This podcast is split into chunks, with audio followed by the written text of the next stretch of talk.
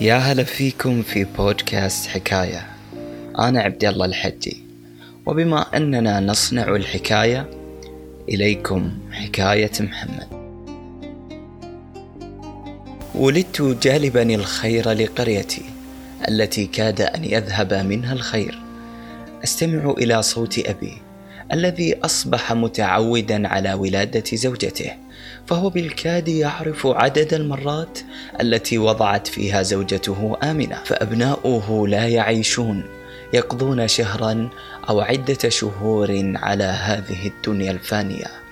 مدعين أباهم وأمهم الذين تقطعت قلوبهم على هذا الفراق. لا يزال لدى أمي أمل في أن أعيش ولا يكون مصيري مثل إخوتي المرحومين. وقد سمعتها تقول لأبي في فترة حملها بي أنني الرجاء الأخير فإن لم أعش لن تنجب غيري. وقد سمتني أمي محمد تيمنا بالنبي صلى الله عليه وسلم وتيمنا بجدي العظيم شيخ قريتنا التاجر الكبير والذي له صولات وجولات عديدة ولكنه رحمه الله. لم يرضى بالذل أبدا ممن عكس على حالتنا. فقد أضحى الفقر مدعا في كل أنحاء القرية وقد أصبح العجم يضيقون علينا من كل ناحية وها قد عادوا من جديد. حسب ما قال عمي لأبي فإنهم يستعدون للضربة القاضية ليمسحونا من على وجه الخارطة. عشت سنة على ما يبدو. أمي مستبشرة بذلك. والقرية ترى في الأمل. لا أعلم لماذا. هل لأنني سليل الأبطال؟ أم لأنني سميت على الشهيد جدي؟ أم لأنني لا أزال حيا على عكس إخوتي؟ أمي لا تفك جدالا مع أبي. حول موضوع جديد لم أسمع عنه من قبل. وهو لما لا نرجع إلى موطن أجدادنا. وهل لنا موطن غير هذا؟ وتكمل قائلة فلنرجع إلى الخليج. فقد انتهى القحط والظلم قد أصبح بنا هنا حليلا يا راشد. وأبي العصبي يستشيط غضبا. لن أخرج من دياري حتى أدحر العدو. لا يعلم المسكين أن العدو قادم ليمثل بجثثهم كما فعل بإخوتنا في باقي القرى والمدن المجاورة للهولاء. ويصرخ صوت أمي قائلا ابني لن يعيش في هذا الدمار. ألا تفهم أننا غير مرغوب بنا في هذه الأرض؟ وهل رأيت عجميا يرضى بالعرب الهولة على هذه الديار? طال الشجار ولم أصحى إلا وأنا في أحضان أمي مودعا الديار والوطن. أرى بلادي خلفي والبحر أمامي. إلى أين ذاهبون؟ لم ألعب في هذه الأرض لم أفطم ولم أفطن بعد. لم أرى صبيان قريتي لم أجالس أبناء عمومتي. وإذا بأمي تقول أخيرا راجعون إلى أرض الأجداد. أصبح عمري ست سنوات. أنا في المدرسة الآن. وبالمناسبة أنا متفوق أيضا. لدي العديد من الأصدقاء من كل الأجناس. فينا النجدي والهولي والعربي والعجمي والشيعي وغيرهم. أنا في المحرق عاصمة البحرين في وقتي. أبوي عنده دكان في السوق. وعندي أختي مريم وإخواني الأطفال عبد الرحمن وأحمد. نعم لاحظت أن وجودي على قيد الحياة ساعد والدتي في إنجاب إخواني أتوقع. وأتوقع بعد لاحظت تغير لهجتي. فإحنا نتكلم بهذه اللهجة في البحرين. لا تحاتون بتكلم بلهجة بيضة. تفهموني وأخذ راحتي في الكلام معاكم. الحياة جميلة في البحرين. وبكل أمانة ما أعرف شيء عن موطني السابق غير كلام أبوي عن صولاته وجولاته وظلم الفرس وبطولات جدي المرحوم وكيف كانت قصوره ومزارعه. وكان يقول لي سيأتي اليوم اللي بتسترجع فيه كل ما خذوه منك. وأما كلام أمي فهي تحثني على الدراسة وحب بلدي البحرين. وتقول لي عن جمال الحياة في موطننا سابقا. وتقول لي أيضا عن تاريخنا هجراتنا على مر التاريخ. وفهمت أن إحنا الهولة وهم العرب اللي هاجروا من جزيرة العرب في أوقات مختلفة من الزمن إلى الساحل الشرقي لفارس وهي إيران حاليا.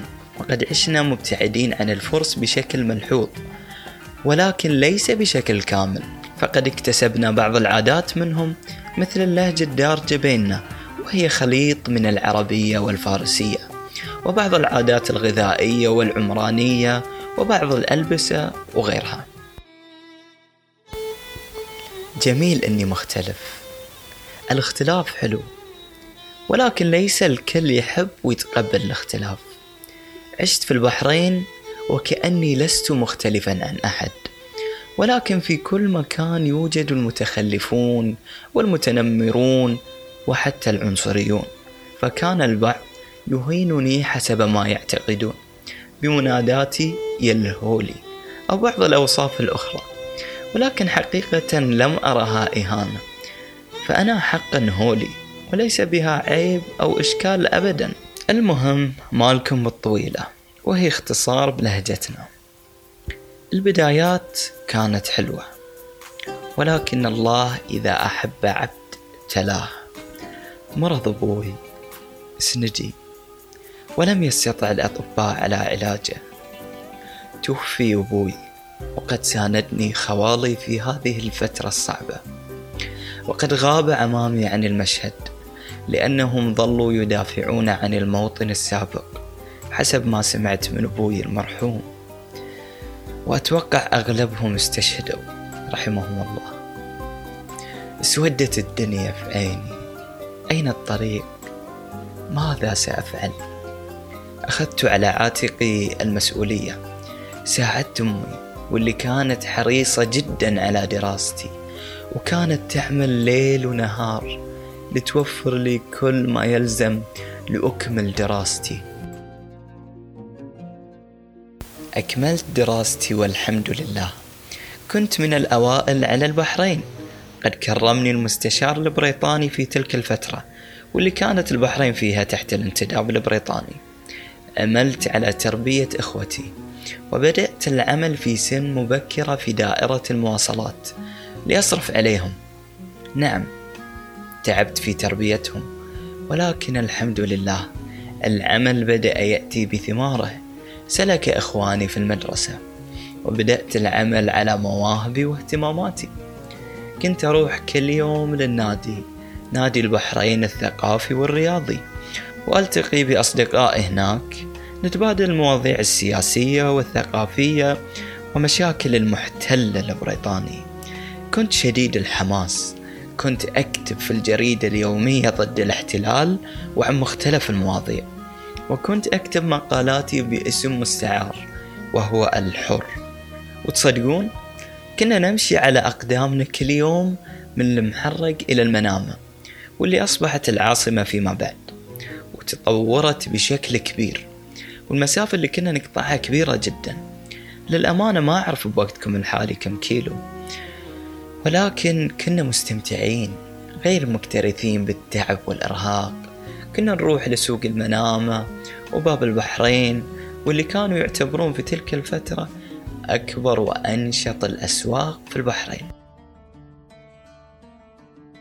وفي ليلة من الليالي قمت من النوم على صوت العساكر وصراخ وضرب جنود يقتحمون بعض المنازل وعرفت أن الخطر قادم فالإنجليز لم يرضوا بتجاوزات بعض الكتاب. وقد خفت للأمانة مو على نفسي على أخواني وأختي ووالدتي العزيزة. خفت من أن يأتوا إلى منزلنا ويروا الصحف ويعتقلوني وينكسر قلب أمي علي. نهضت من فراشي وأسرعت بحرق كل الصحف اللي أحتفظ فيها. اللي فيها كل مقالاتي وكتاباتي اللي أكتبها باسمي المستعار وهو الحر وخفت من أن يروها ويلقوا بالقبض علي وتنتهي الحرية إلى الأبد. صاحت أمي متسائلة شو تسوي يا محمد؟ قلت لها بعدين يا يمه كانت قمة في الهدوء. رجعت إلى دارها ونامت وأنا أكثر من يعلم بأنها لم تنام. بل كانت غائصة في التفكير. طرق الجنود الباب وأدخلتهم بكل هدوء. سألوني عن معرفتي بالكتاب والصحفيين والنشطاء ضد الاحتلال فأنكرت ذلك بشدة. خبرتهم أن علاقتي مع الجميع سطحية. ألقوا نظرة سريعة على المنزل وانتهى اللقاء. وفي أحد الأيام رجعت من العمل بعد زحام طويل. مظاهرات كثيفة في أرجاء المنامة مقر عملي. وصلت إلى المنزل وإذا بأمي في الفراش وقد زاد عليها التعب. وهي تعاني منذ فترة من ضيق التنفس وتحتاج في بعض الأحيان إلى إبرة للقضاء على ضيق التنفس. نادتني أمي بصوتها المتعب. يا ولدي ودني المستشفى أنا تعبانة جدا. أسرعنا في الطريق. لا يهمني أحد في الشارع. أمي متعبة. ألا تفهمون؟ الطبيب في المنامة. وقد جئت منها للتو. والمظاهرات تملأ كل الأرجاء. ومنع الدخول والخروج. أوقفني رئيس الشرطة المرحوم علي ميرزا. وقال لي لوين؟ قلت له والدتي متعبة جدا. لازم أروح لعيادة الدكتور فاضل.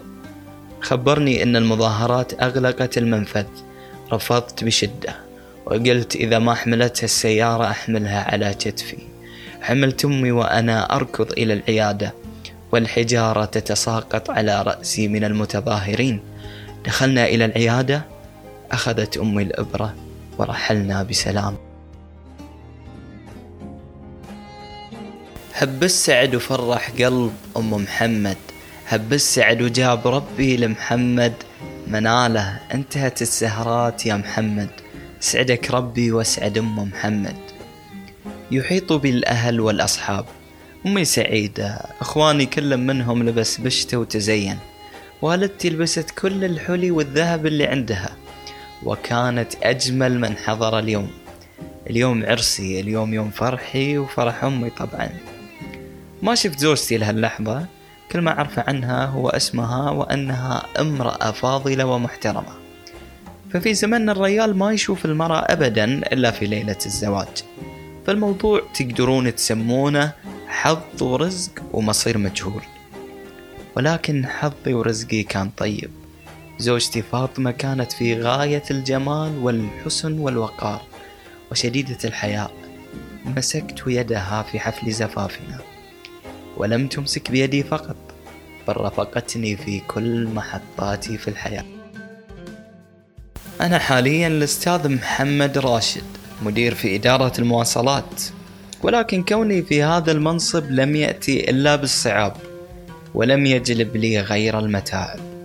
بعد اجتهادي في العمل قرر المسؤولون ترقيتي حيث كنت ملتزما بأداء واجباتي الوظيفية وأعمل إلى ساعات متأخرة. ولكني كنت قد بدأت ألاحظ بعض المضايقات من فئة معينة. لم تتمنى لي الخير.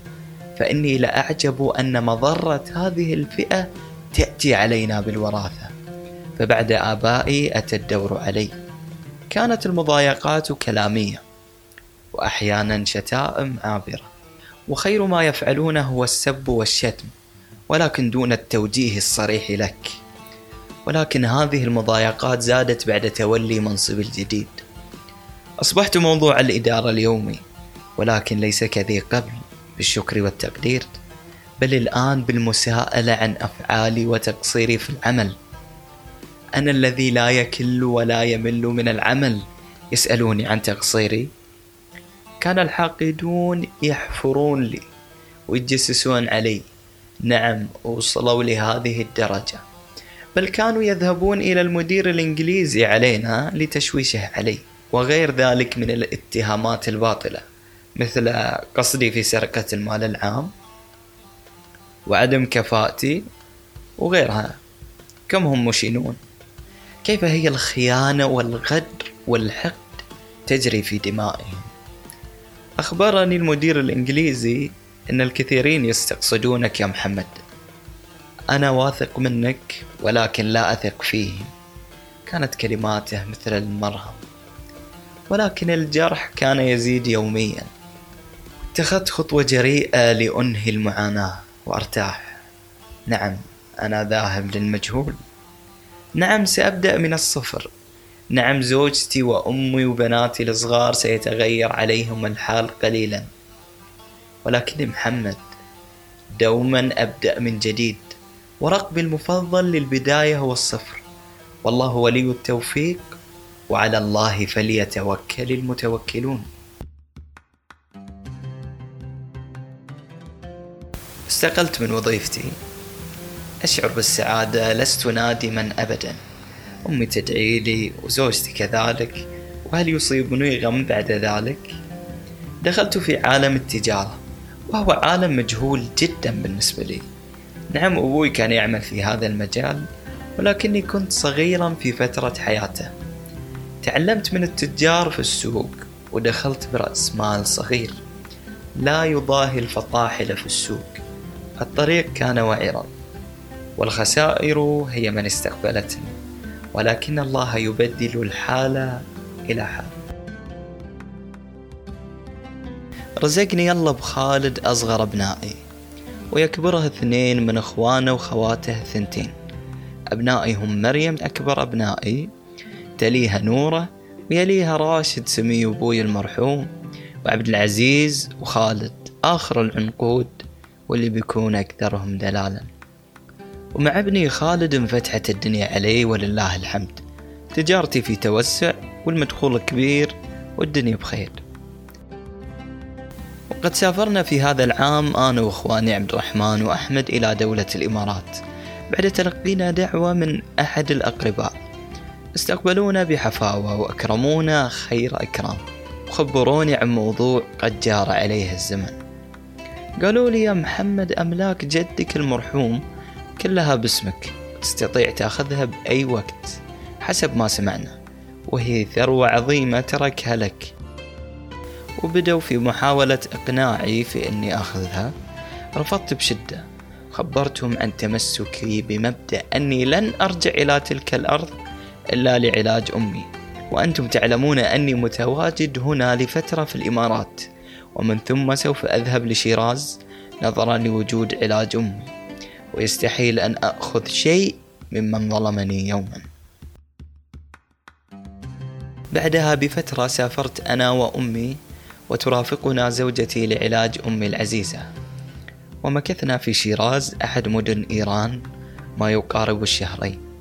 حتى أخبرني الطبيب أن أيام والدتك قد قاربت على النفاذ.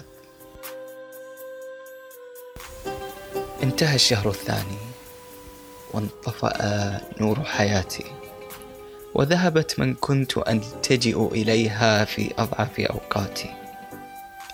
دفنت والدتي في شيراز والحزن يملأ قلبي. ما أغرب الدنيا. تدفنين بعيد عني وانتي طول عمرك تبين لمحرق وابوي اللي ما يبيها اندفن فيها. مغرب الدنيا يا يما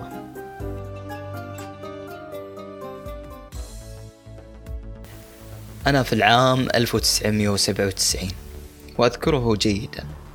فالأحداث اللي فيه ما تنسي. أولها زواج ابني عبد الرحمن وسعادتي الكبيرة وتوسع تجارتي بشكل أكبر من السابق والحمد لله. وأيضا لأنها غيرت من شكلي اليوم وصحتي وكل شيء فيني. كنت في أحد متاجري وكنت أتفقد الرفوف وأتأكد من عدم خلوها وجودة المنتجات. ولكن خذلني الكرسي اللي كنت واقف عليه. انصفط وسقطت على الأرض. لم أشعر بشيء. كنت وكأنني في حلم يملأه البياض والراحة. حتى قمت وفزيت. ولا أنا ممدد على السرير. راسي يألمني أحس الدنيا تدور. أول وجه شفته أمامي كان زوجتي الحبيبة. أغمي علي مرة أخرى واستيقظت بعدها بأيام اكتشفت أني في حلم وشعرت أني من أصحاب الكهف فقد لبثت شهرين في الغيبوبة. وأخبروني بأني خضعت لجراحة دقيقة في المخ وأنني نجيت بأعجوبة. الحمد لله على كل حال. بدأت حياتي تتحسن ولكني كبير في العمر. أنا جد وعمري تجاوز الستين وهالأمر أثر على صحتي واستيعابي بشكل كبير. نصحني الدكتور بالجلوس في المنزل وجلست لي يوم يومين شهر وشهور. وأنا مضطر للجلوس. في البداية كان يمديني أني أروح السوق وأتفقد أعمالي ولكن الانتكاسات الصحية المتكررة أضعفتني أكثر وأكثر. وتتالت الانتكاسات وفي كل مرة كنت أنجو بأعجوبة. فأنا محمد أنا المكافح أنا الخير على أمي وأبي وربما على العالم. عشت ما لم يعشه الكثيرون نهضت من تحت الثرى وقاسيت أمر الظروف. ما سمعتموه كان قطرة من بحر حكايتي. فحكايتي مستمرة ومثلي الكثيرون يعرفني الجميع ولكن بأسماء متعددة وشخصيات مختلفة. فأنا المثال الحي على العظيم الذي لا يريد أن يكتشف ويعلم أن الله قد ضمن له الخير على ما فعله. أنا أعيش أيامي في هذا العمر بسلام بين الصلاة والقرآن. لا أريد شيئا سوى رضا الله والعفو والعافية. وبالمناسبة أنا لست شخصا واحدا. أنا مجموعة قصص جمعت وكونت شخصيتي. أنا محمد. أنا أنتم. شكرا لاستماعكم. ونلقاكم على خير.